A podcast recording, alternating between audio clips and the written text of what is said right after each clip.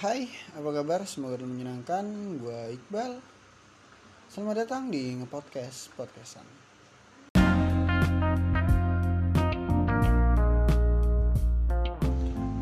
Oke, uh, untuk di episode kali ini gua mau ngebahas tentang Tokyo Revenger live action. Dan mungkin gue bakal namain segmen ini sebagai segmen review film yang disingkat menjadi review. Wait.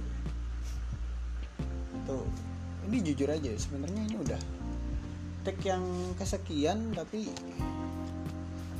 gue masih belum pede aja gitu karena gue nggak ngerti buat nge-review film tuh kayak gimana.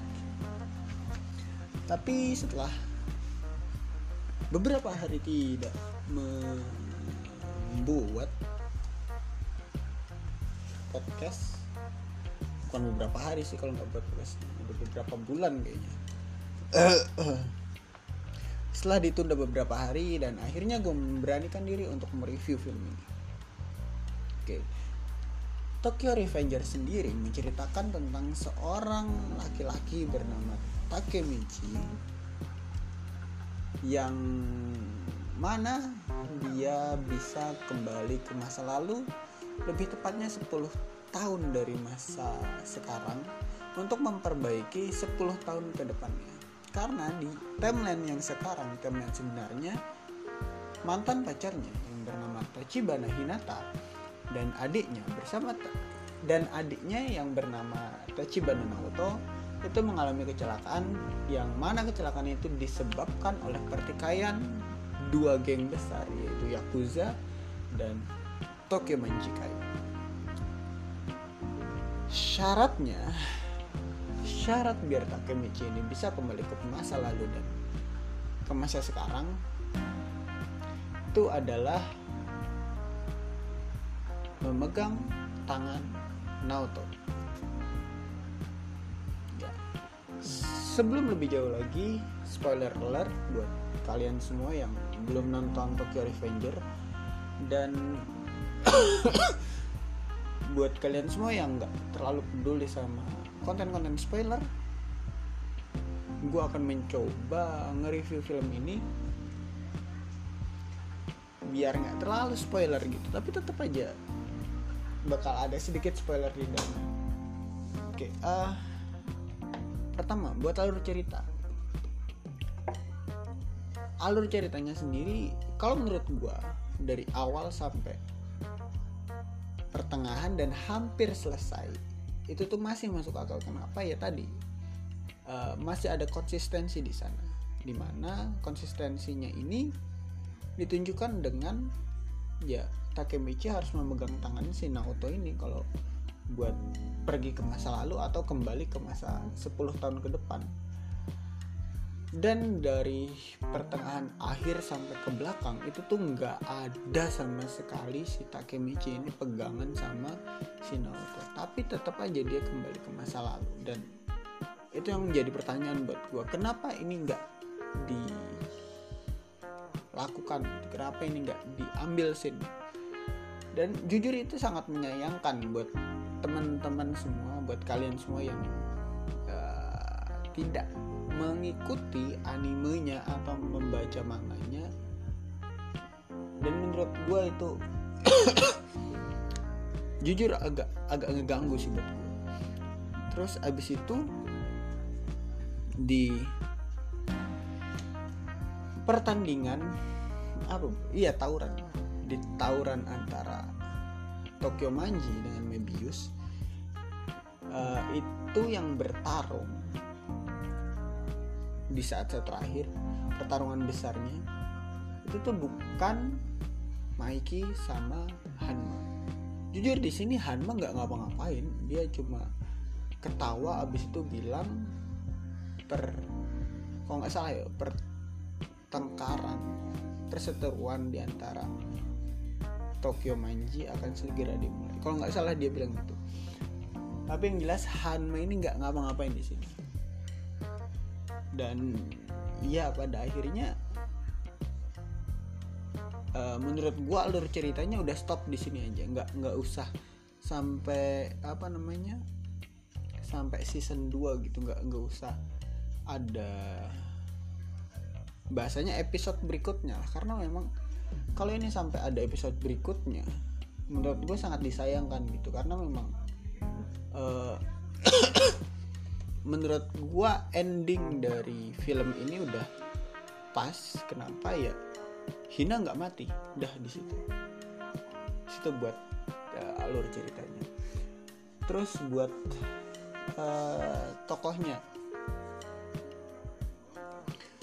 Tokohnya sendiri yang gue sorot itu ada beberapa. Yang pertama Takemichi kedua Tachibana Hinata habis itu Maiki terus Hanma tadi sebenarnya udah gue sebutin juga ini yang jadi permasalahan gue kenapa Hanma ini nggak ngapa-ngapain terus yang terakhir Billy Vitarnat ini yang menurut gue mengagetkan adalah Paci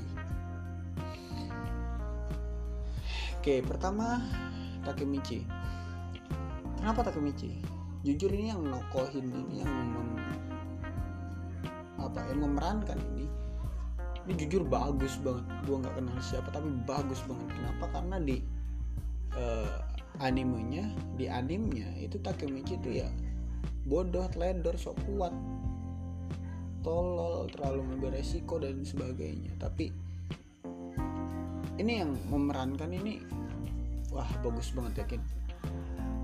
Sumpah kalau kalau boleh gue kasih nilai ini yang nokoin tuh 9 yakin gue berani ngasih nilai 9 terus abis itu Hina Tachibana Hinata.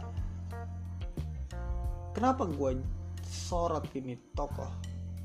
Anjing cakep banget bangsat. Hinata di sini cakep banget. Bukan Hinata di Naruto di Hinata di Naruto juga cakep tapi di sini di live actionnya Tokyo Revenger ini jujur cakep banget. Imut gitu bahkan temen gue yang cewek pun bilang kalau dia ini cakep. Yang cewek aja bilang gitu apalagi gue. Terus Mikey. Gue nggak tahu kenapa apakah memang konsepnya gitu tapi yang jelas uh, setuju atau enggak gue jujur agak kurang puas sama penokohan si Mikey ini pemeranan si Mikey ini. Kenapa? Pertama mukanya terlalu tua menurut gue ya. Menurut gue mukanya terlalu tua tapi e, balik lagi menurut gue masih relate aja gitu. Kalau misal nih tuh ceritanya di bangku SMA yang e, kayaknya lebih masuk akal gitu kalau buat tawuran-tawuran. Bukan bangku SMP dan